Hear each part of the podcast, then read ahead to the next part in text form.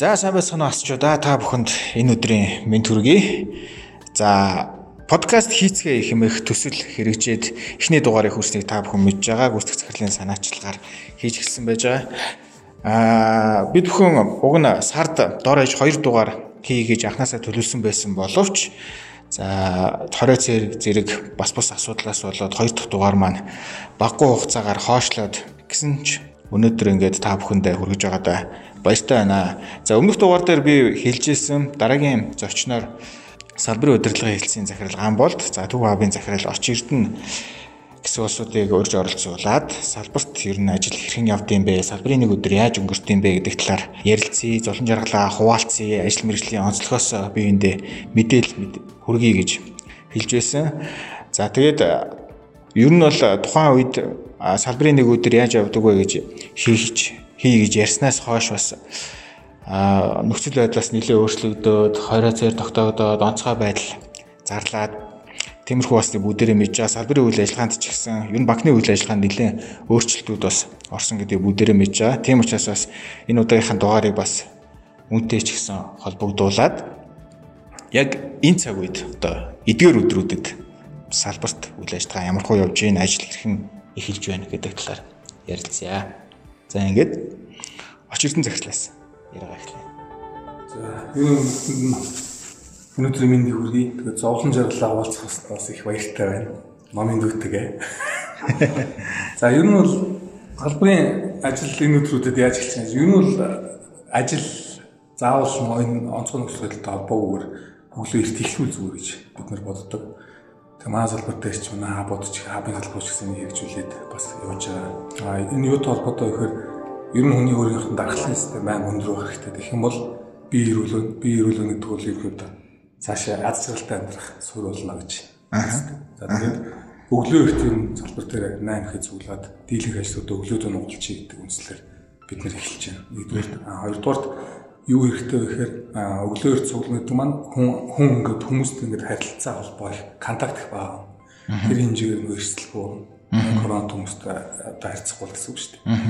За тэгээд ер нь өглөө эрт болсон ороо эрт унтна. Ороо эрт унтна гэдэг бол миний постыг харсан бол ороо эрт унтна гэдэг маань өөрөө дахлаа хамгийн сайн ах гол үндэс. Хүмүүс мэдээд байгаа. Одоо ийм байдлаар ер нь эхэлж байгаа. За ер нь зүгээр салбар дээр ажил яаж эхэлдэг юм гэж манай нэг хэсэг ингэж эхэлсэн өглөө ажил дээр ирээд заах өглөөний уулзалтыг хийгээд өглөөний уулзалт хийгээд дасгалгаа хийгээд мэдээлэл ингээ хуваалцаад өнгөрчихөж байгаа. Тэгээд ширээн дээр суугаад хамгийн их хийх юм чинь мэйл шалгах штэ.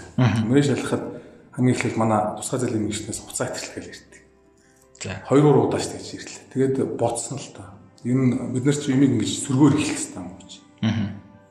Тэгээд яах вэ гэхээр за энийг хэдүүлэх болоо. Эренгүүт л ингээл хуцаа итгэл хамгийн бидний байжлах сөрөг мэдээлэл орж ирдэг. Энийх өмнө жоо ингээд би энд уран өгсөн юм мессеж өгдөг бол. Манай гамбан менежер одоо өглөө болгоно ингээд ажлын гоё эхлэх юм урмын үг хийж. Мэйл маань эхэлж.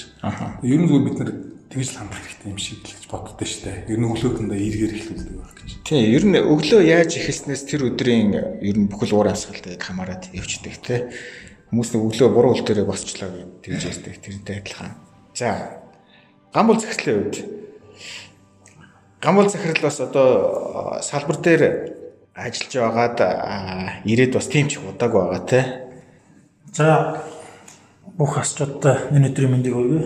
За салбар дээр бол өдөр сая очиж ирсэн зэрэг ярьчлаа тэрнтэй адилхан.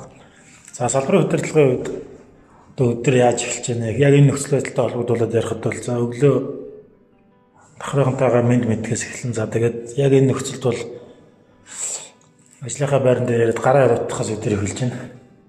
За тэгээд ер нь бол энэ нөхцөл байдалтай холбоотой салбаруудаас ирж байгаа мэдээлэл за удирдлагаас өгж байгаа шийд одоо даалгавар за онцгой комиссаас гаргаж байгаа шийдвэр энэ бүхэнд одоо гинтийн гинтийн шийдвэрүүд одоо гарч байгаа учраас энд тохируулж одоо удирдлагын зөв мэдээлэлээр хангах тийм за салбаруудынхаа мэдээлэлтэй танилцах гэх байдлаар л одоо өдөр эхэлж байна да.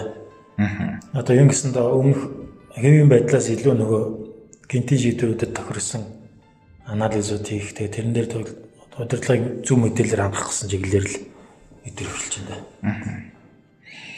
За юу Нэгд одоо ер нь бол одоо энэ вирус гэдэг чинь одоо өвчин гэдэг чинь хилж ирдэг, хийсч ирдэг гэдэгтэй. Өчигдөр орой гэхэд л 22 23 цагийн байдлаар Монголд бас дахиад 3 тохиолдол шинээр бүртгэгдсэн гэдэг. Энтэй холбоотойгоор бас ингээл ер нь альва нэг асуудал үүсэнгүүт тэр дор удирдлагууд хоорондоо workplace-ээр ч юм уу холбогдоод цаг үеийн байдлаас шүүн өдөр хамаарахгүйгээр те тухайн тухайн цаг үед нь таарсан шийдвэр гаргахад явж байгаа. Энэ байдал ер нь та бүхэнд хэр байна? Одоо гинтийн юм одоо төлөвлөгдөөгүй асуудлуудыг ингэж гарч ирэхэд тухайн тухайн асуудлуудыг шийдэж нь хэр хэцүү байна? Эсвэл Хас банк энд харьцангуй бас бэлтгэлтэй байв. За миний бодлоор бол энд бол бид нар харьцангуй бэлтгэлтэй байгаа гэж харж байгаа. За гүйцэтгэх удирдлагын зүгээс цаг үе болсон оновчтой шийдвэрүүд гаргаж яана гэж бодож байна. За түрүүн зөвж үзэхээр ажилтнуудтай онлайн хурал хийхдээ бас хэлсэн байгаа. Одоо бид нар ажилтнаа амраана гэж. За энэ бол бид яг салбарынхаа жишээ нь ажилтныг аваад үзэхэд 705 хүн ажиллаж байгаас 70% буюу 50% 0-оос 12 насны хүүхэдтэй байсан. За энэ ажилтныг бол амрах шийдвэр маш хурдан хугацаанд гарсан. Аа. Одоо ер нь бол мэдээлэл нь үнэн бод зөв байвал шийдвэр гаргахад бол ер нь их хурдтай гаргаж яваад бол талархалтай хандж байгаа. Салбарын ажлуудаас ч гэсэн нэлээ эрг одоо сэтгэлүүд ирж байгаа. Тэгэхээр энэ дээр бол шийдвэр хурдан гараа явж байгаа талархалтай хандж байгаа. Дээрээс нэмжлэхэд саяны манайхан workplace гэдэг технологийн шинэ шинэ зүйлийг нэвтрүүллээ ажилдаа. Тэгээ энэ маань яг энэ цаг үеийн бас цаг үеийн олсон бас нэг шийдэл боллоо гэдэг харагдаж байна. Яаж яагаад мэдээлэл ингээд их хүртээмжтэй өгөөд нэхэр ерөөсөө гол ашиглахын ашиглахаар энэ workplace-ийг ашиглаад өдөрлгүүд мэдээлэл шийдвэрүүдэд ингээд хүмүүс мэдээлдэг ш. Огнох хугацаанд хүрч байгаа хүртэмтэй болж байгаа гэж харж байгаа.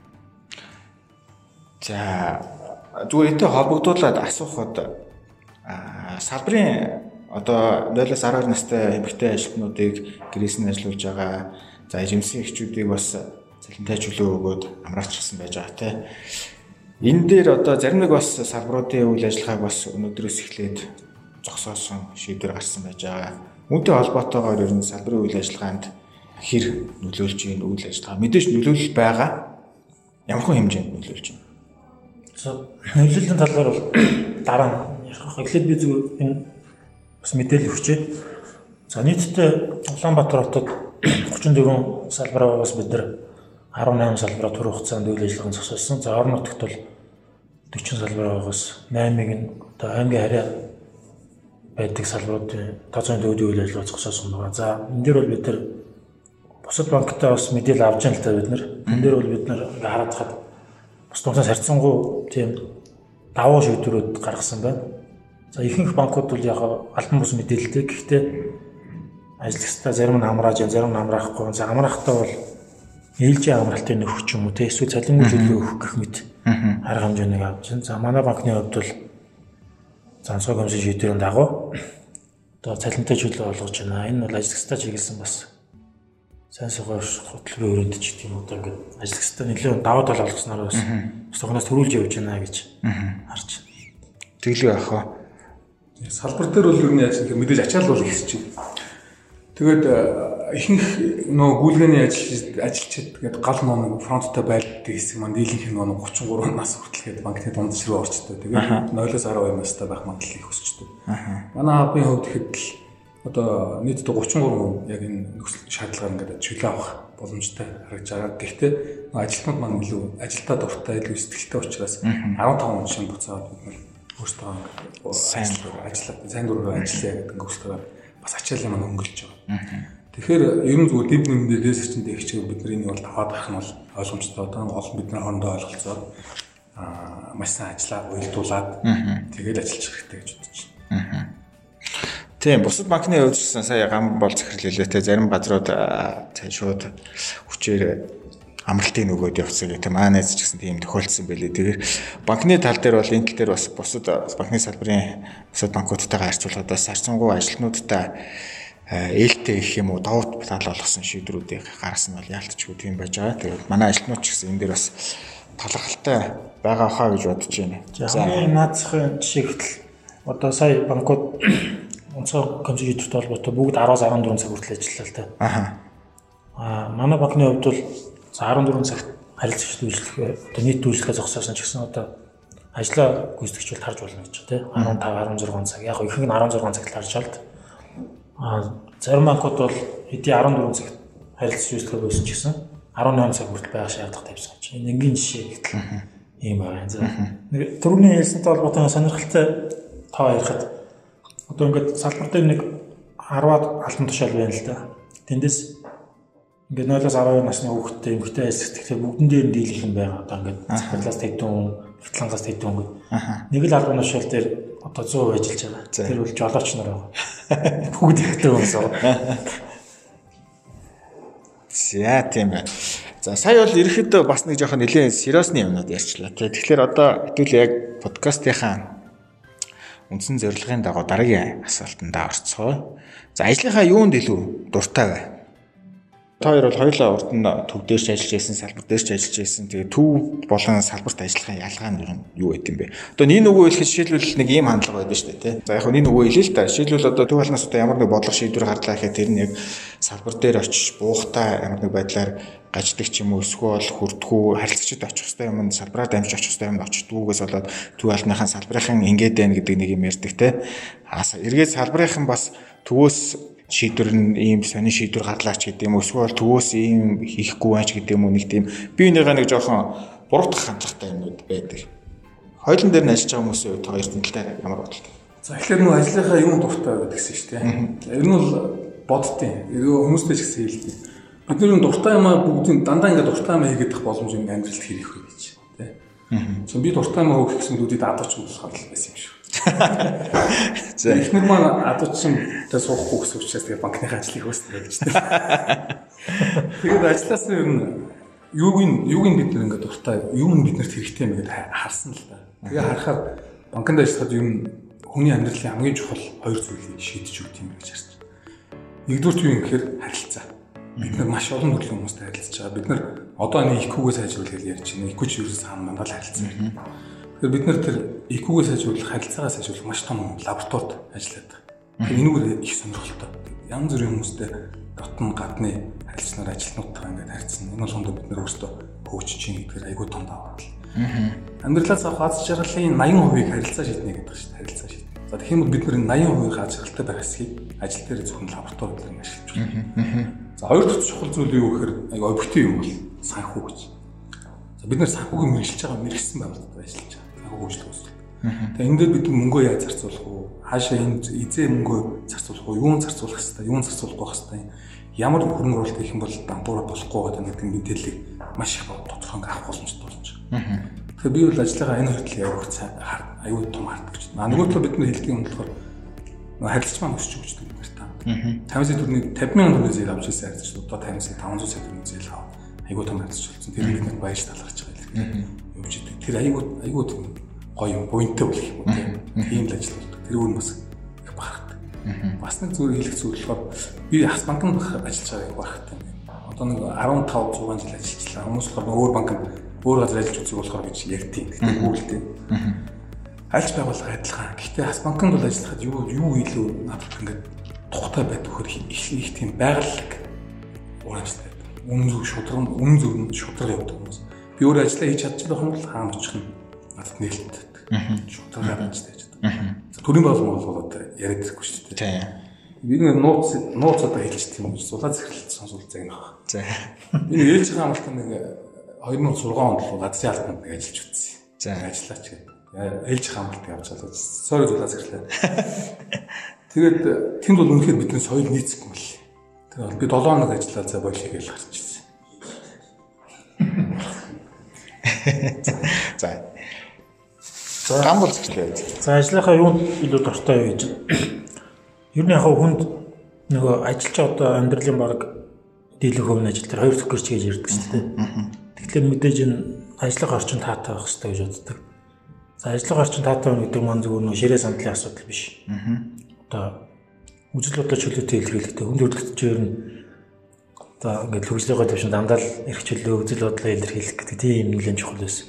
Энэ тал дээр бол намайг байхад нээлттэй байсан. Одоо ч гэсэн хэвээрээ би одоо дээшээ мэдээж ажиллагаа шийдвэрийг хүнддэг. Гэхдээ миний одоо санаж бодож байгаа чөлөөтэй илэрхийлэх эрх нээлттэй байдаг. Би бол их дуртай байдаг. ардчилсан байгууллага. Тий ардчилсан гэсэн. Хоёрдугаарт одоо байгууллагын соёл хувь хүний соёлтой илүү нийцэж яг нэг этергийн албаны сонс гэж магадгүй. Гэхдээ одоо энэ байгууллага одоо түрүүний очиг хэлэхээр 15 жил гэдэг чи би одоо бараг 18 жил болж байна л та. Тэгэхээр одоо миний хувь хувь хүний үндэс соёлтой байгууллагын соёл маань өөрөө байгууллагын соёлтой минийх нийцэж байна гэсэн үг л дээ. Минийхтэй нийцэж байна. Тийм учраас одоо таатай ажиллах дуртай байдаг юм уу. Аха. За салбар төв болгоны ялгаа гэвэл тийм асуултсан дээ. Тийм. Ялгаач явахдаа зөв үйл ажиллагааны функцийн хувьд өөр байгаа тийм. Мэдээ салбар дээр бол бүхэн тодорхой. Одоо өгсөн даалгавар чи өөр одоо юу гэдэг тэрийгэ биелүүлээ явахд ямар ч асуудал байгаа. Төв албан дээр бол мэдээж адилхан тийм үг талбар байгаа. Хажуугаар нас нөгөө толгойд ажиллах гэх юм уу та араа өөр чиглэл рүү ингэж сэтгэж бодох. Тийм юугаар ялгаатай юм уу та. Тэгэхээр салбар дээр сэтгэж боддгоо гэж байгаа юм биш.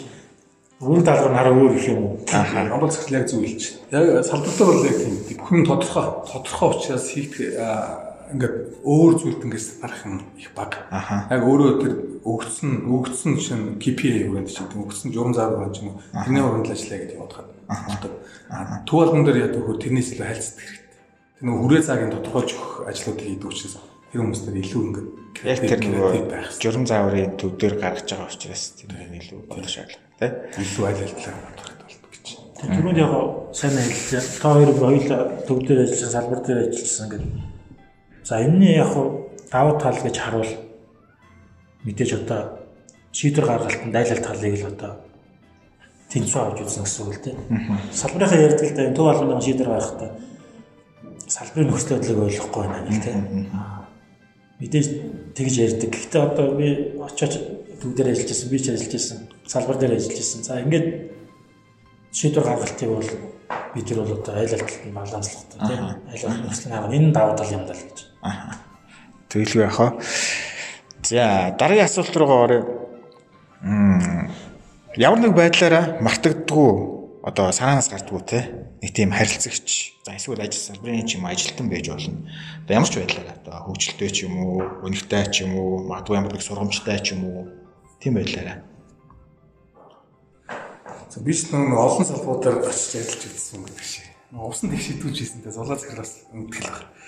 Ховд салбар дээр анх орон нутгаар очиж тэмдэглэж ажиллаж байсан. Яг ер нь бол нөхцөл байдал нэлээд хүн салбар дээр очиж байсан. Тэгээ тэнд одоо хүртэл нэг мартагддаг нэг ажилтнууд нь зээлийн зээлийн мэрэгчлэл одоо мегамар гэж залуу зээлийн менежерээс одоо зээлийн мэрэгчлэнээс сая шилдэг зээлийн мэрэгчлээ авч ирсэн. Аа за. Санаас гарддаг юм. Нь тэн дээр юу санаас гарддаг юм гэхээр нэг багт нэг юм гэрэл хийгээ болох нь заавал хэрэгтэй байдаг. Ер нь зүгээр амьдралч өөр ингээл уналтаа босолтоо тийм үү. Тэгэхээр дандаа тийм өөдрөх хүмүүс бүгэнтэй байх хэрэгтэй гэж.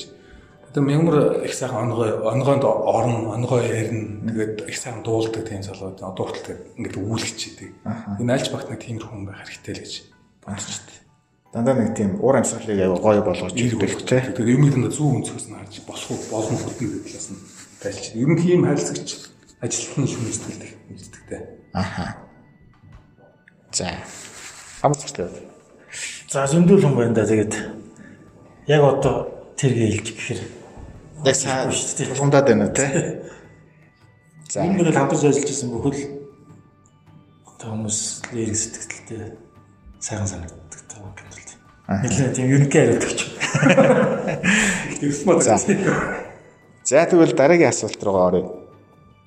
За сая очоо ах хэлсэн шүү дээ те нөгөө уур амьсгалыг гой болгодог хүмүүс гой байдгаа гэдэг.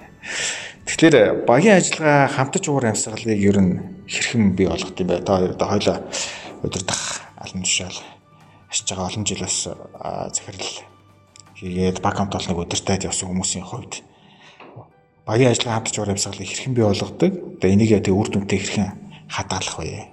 Арга туршлагаас одоо хуваалцвал. Гэр зүгээр цаашаа дэдрүүлээд ярих юм бол ер нь хамт олонны уур амьсгал ажлын бүтээмжид мэдээж нөлөөлж байгаа шүү дээ тий. Тэрэнд одоо тухайн нэг багийн гишүүн нэг хувь хүний хандлага бас хэрхэн нөлөөлдөг талаар. За ер нь яг баг гэж ярихаар юу гэдэг ихээр багч нь альбан болон альбан бус гэж онж ярил л та. Тэгээд альбан баг болохоор юу гэхээр нэг зорилгын төлөө чиглэсэн хоёроор дэш хүнийг баг гинэ гэж ярьдаг. Альбан дээр бизнес бизнес удирдлага төгссөн мэрэгжлийн менежер учраас тэгээд тодорхой ингэ тодорхой юм. Айгу онлайн төвшин дээр. За тэгээд ер нь зүгээр багийн өөр өмсгөл мэдээж хэрэгтэй. Гэхдээ бид нар цаана нэг юм гол гол гол гол хүчин зүйлтэй айгуус ойлгож байгаа юм шиг гэж би боддог бодоод тээ. Юу гэвэл бид нар нь яах гэж ажиллаж байгаа яах гэж амьдрч байгаа гэж бодох хэрэгтэй юм шиг тийм. Тэгээд амьдралын зорилго юм бэ гэж яриаддаг. Хүмүүс янз бүрийн юм ярьдаг. Зүйлд нь ер нь тогтож байгаа юм уу? Аз жаргалтай байх л гэж ярьдаг болоод аз жаргалтай. Дөрөв гамбал захирлаас хэллээ. Бид нар ажил амьдралынхаа идэвхтэй өнгөрүүлж байгаа цагийн бат хал хувийн ажил дээр өнгөрүүлж байгаа. Бид нар ажил ер нь л цаг мөчрөөс нь аз жаргалыг мэдрий гэж бодож байгаа бол тэр идэвхтэй өнгөрүүлж байгаа цагаач гэсэн аз жаргалтай байх байлгамаар байж байгаа тийм. За эндээс л ер нь аз жаргалтай байх нь бол юу хэрэгтэй юм гээл явж эхэллээ явж эхлэх болов гэж. За. Тэгэхэд юу ихтэй гэхээр хамгийн чухал хүмүүсийн ажиглалтай байх хэсэг юу шалтгаалт вөхөр харилцан шалтгаална гэж бид хэлсэн дээ. Түрүүн 80% шалтгаалт юм байна гэдэг онол дээр бас гэж үт юм бэл. Тэгээд харах юм бол бидний баг хамт олон маань биеинтэй ойлголцож байна уу? Нэг зорилгын төлөө нэгтгэж чадчих байна уу? Тэрийг ойлгож байна уу? Хүн болгон өөрөө оролцоо орж байна уу? Хүн болгон хамгийн наацх юм уу? Биеиндээ тэр болохгүй а тэр болохгүйээс илүү биеиндээ тусдын болоод явж чадж байна уу? Тэгээд айгуу чухал чухал ойлголтууд юм шиг л санагддаг. Бид нэр салбарын захирлууд ер нь зүгээр хүн удаж байгаа хүмүүс ер нь зүгээр энэ талаас нь хүмүүс аягаасаа хармаар юм шиг. Тэгээ хүмүүстэй аягаасаа ойлголцох хэрэгтэй л юм шиг санагддаг. Тэгээд ирэхээр яг нь нэг хүний нөлөө их байх боловч ер нь тэгээ системийн тогтоох хэрэгтэй. Тэр багийн э, баг маань өөрөө эрийг л байх хэрэгтэй. Би нэг аягаасаа ойлголцдог багтай. Би нэг хүндэлдэг, харилцан тусдаг багтай гэж. Захирлуудын тэнд гол үүсдэг дүүрэг юу гэхээр та яг юу хийх ёстой гэдэг нь тодорхой. А танаас би юу хийж байгаа гэдэг да тодорхой өгч гэдэл.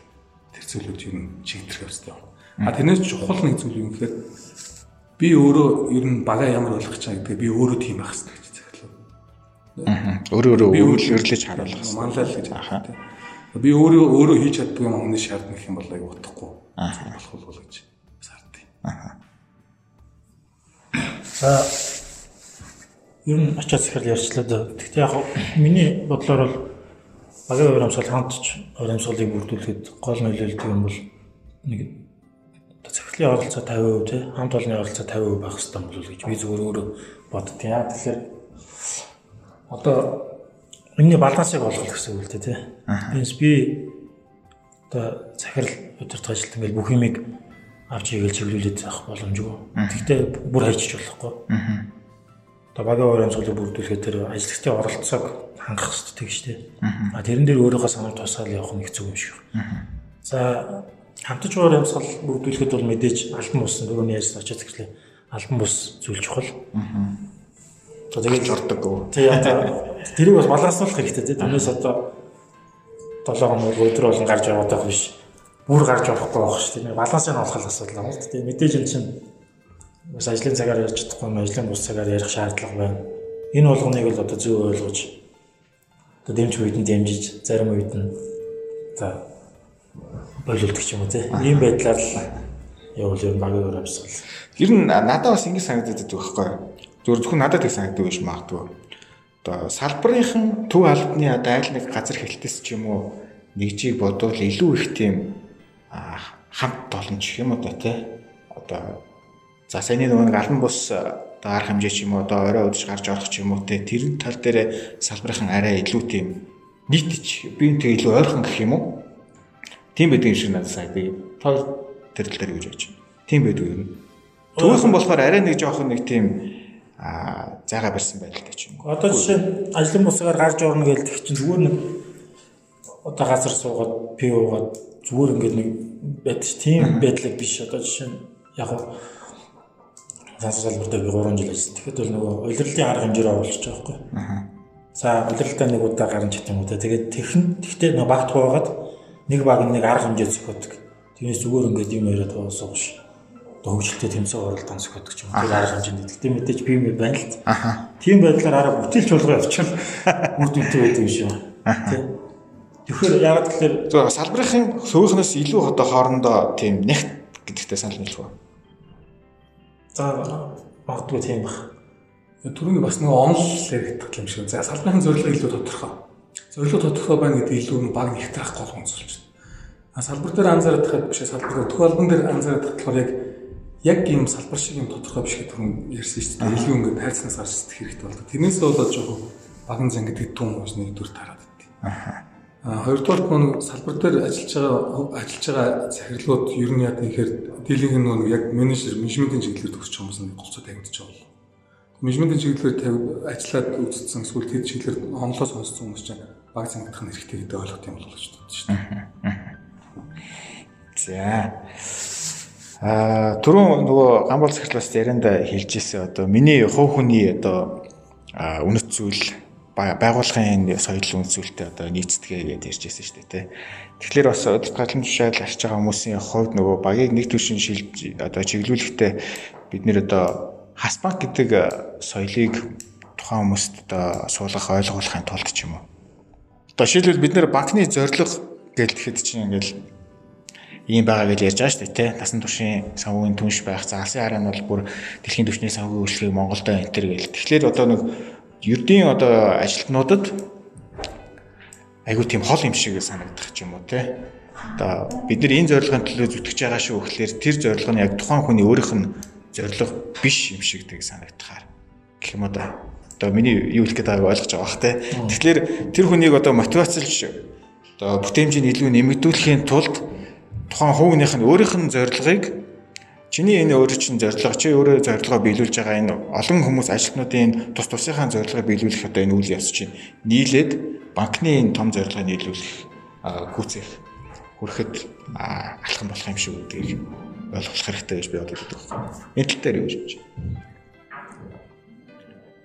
За шинэ ажилтан шинээр орж ирж байгаа юм бол мэдээж одоо мэдээ сургуулиуд өгсөн эсвэл өөр газар ажиллаж байгаад орж ирсэн улсууд байгаа тийм. Тэдний хувьд бол шууд байгууллагын соёл яг мэдээ тэрийг харж орж ирж байгаа. Гэхдээ тэр хүмүүсийн нэгдүгээр зорилго бол мэдээ цалин орлоготой болох юм шүү дээ. А энэ хүмүүсийн миний бодлоор бол яг нэгдүгээр зорилго нь тийм байдаг учраас яг шууд орж ирэхдээ миний зүйлс байгууллагын зүйлсээ нэгдэж орж ирлээ юм л гэдэг юм бодлоо авах зүгээр. Энэ асуудал бол одоо мэдээж тодорхой хугацааны дараа хүн болгонд өөр баг. Ямар хугацаанд одоо гэдэг тийм. Би одоо өөрөө ажиллаа гарч чадсан анх авахтаа ч гэсэн за гайвуу цалинтай ажил байна гэж орж ирсэн байхгүй. Тэгээс үнцээс нь харж орж ирсэн шудлаа ярих. Тэгэхээр мэдээж энэ бол ингээд мэдээж одоо ингээд шал байгалийн шалгаал гэдэг шиг хүн ажиллаад мэдээж эхлээд цалин харж орж ирэл ингээд урт хугацаанд өөрөө байгууллага таньж мэдээд ингээд ингэсний дараа одоо за миний одоо өөрийнхөө карьер төлөвлөлт юм тооцоод ингээд за би энэ байгууллагатай энэ урт хугацаанд явахд болох юм байна гэдэг юм тодорхой хугацааны дараа бий болдог юм шиг. Аа тэгээд тэр за би энэ байгууллагад удаан ажиллаж чадахгүй нэг хүмүүс мэдээд ингээд орж ирээд удлуу гараа авчихсан хүмүүс шүү дээ. Нэг хүн орж ирээд 3 сарын дараа ч юм уу жилийн дараа тэр гараа авчдаг. Тэгэхээр энэ бол тодорхой хугацаа шаардлагатай ажиллагийг би дотор болгоод. Аа. Яг тэр нөгөө бүтгэн банкаар багтдаг гэж хэлчихсэн юуг юм багтдаг ингээд тэгэхээр бас нэг төрийн байгууллагад нэг 7 хоног ажилласан гэх эмоц зарцсан шүү дээ. Тэгээд ер нь ингээд соёл нийцэхгүй нэг ч айгу тэртээ нөгөө төвхтэй болно гэдэг юм. Зүгээр би банкн дээр ажилтнуудаа хэлээд юм болохоор манай банк нэг байгалийн хууль явуудаг гэдгийг хамгийн тонд одоо жишээ нь эрдэнээр захирлаа одоо. Гэ эрдэнээр захирлсан хөөе. Анх намайг салбарын захирал болсон багт л нэг дадлагын оюут ингээд юунаас ангаахаас санхүүгээс орж ирж байсан. Аха. Тэгээ амгаахтай нөх хүний жишүүл авах гэсэн болохоор амгаахтай холбоотой ажиллах гэж бодлоо шүү. Аха. Тэгээд Эрдэнэ эрзэхэл тэгж болж. Тэгээд энэ кредит скорыг анх банкнд нэвтрүүлжсэн санагдаад оюутан бах та.